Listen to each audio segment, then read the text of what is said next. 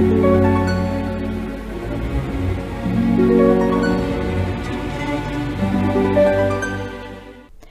Virgo, saya dengan Madam Aza. Kita bacakan sekarang kartu tarotnya. Yang pertama adalah karir. Waduh. Yang pertama adalah untuk karir, bisnis, peruntungan Virgo. Kartu yang keluar adalah The Magician. Ketika kartu The Magician keluar, ini menunjukkan seorang pesulap. Ini adalah afirmasi untuk insya Allah terjadinya hal-hal yang bagus, hal-hal yang sesuai dengan harapan yang kita inginkan, yang kita impi-impikan. Karena itu kartu The Magician ini uh, intinya adalah allowing good things to happen. Jadi ibaratnya kalau Tuhan sudah mengizinkan semestanya untuk menjadikan sesuatu buat kita gitu, menyampaikan sesuatu buat kita, memberikan kita berkah, kita sebagai makhluknya menerima dengan baik, dengan penuh rasa syukur gitu ya, dengan terima kasih dan mengambil kesempatan tersebut dengan sebaik-baiknya gitu ya. Nah, kartu The Magician ini allowing good things to happen, allow itu kan to allow untuk mengizinkan, untuk to accept untuk menerima juga gitu di kitanya sendiri tentu saja sebisa mungkin memaksimalkan hal tersebut gitu. Jadi kalau misalnya dikasih celah untuk wah ada beasiswa nih gitu, saya harus melengkapi segala prosesnya gitu. Ya dilakukan dengan semaksimal mungkin karena inti dari kartu The Magician adalah strong will, keinginan yang kuat. Pada saat kita punya keinginan yang kuat untuk mencapai sesuatu, maka insya Allah semesta diperintahkan oleh Tuhan untuk bekerja, bekerja sama membantu kita mendapatkan hal-hal yang kita inginkan tersebut gitu ya. Strong will saja intinya dua kata tersebut gitu sudah cukup untuk menjadi energi kita dalam melakukan sesuatu, menginvestasikan energi kita semaksimal mungkin. Lalu untuk Virgo percintaan kartu yang keluar adalah the devil ini menunjukkan adanya energi negatif. Jadi biasanya dirimu cukup paham gitu ya tentang siapa di lingkunganmu ataupun orang-orang di dekatmu yang sebenarnya punya energi negatif dan nggak cocok energinya buat kamu setidaknya dalam jangka waktu tertentu gitu ya.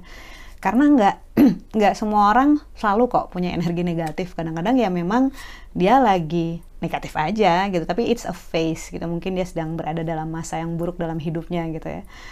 Namun untuk dirimu sendiri dalam hal percintaan kartu the devil ini ibaratnya kayak warning card red flags gitu ya dan diupayakan kalau bisa jangan dicuekin, jangan denial juga gitu. Misalnya udah ngeliat wah kayaknya orang ini nggak bagus deh buat saya, nggak usah iseng, nggak usah ah cobain ah gitu kan.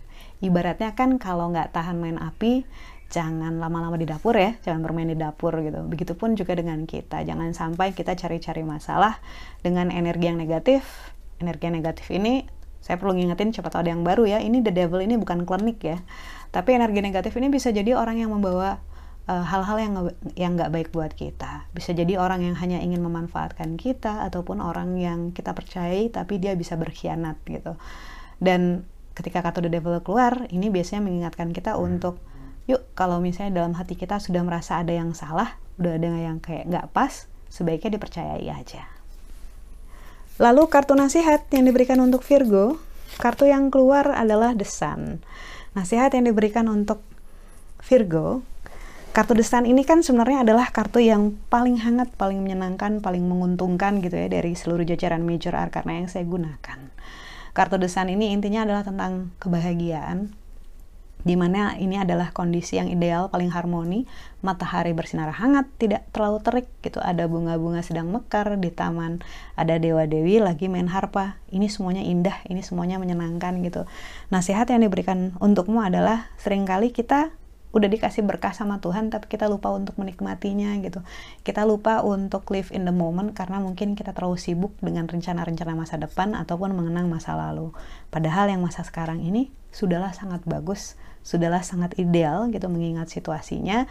So, don't forget to smell the roses gitu. Jangan lupa dinikmati apa pun berkah yang sedang diberikan Tuhan pada kita gitu.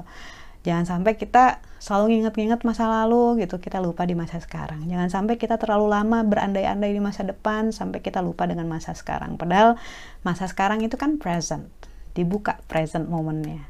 Sekian bacaannya, semoga bermanfaat.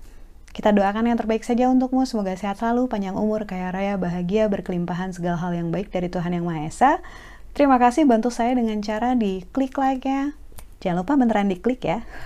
Subscribe, share, dan juga komen.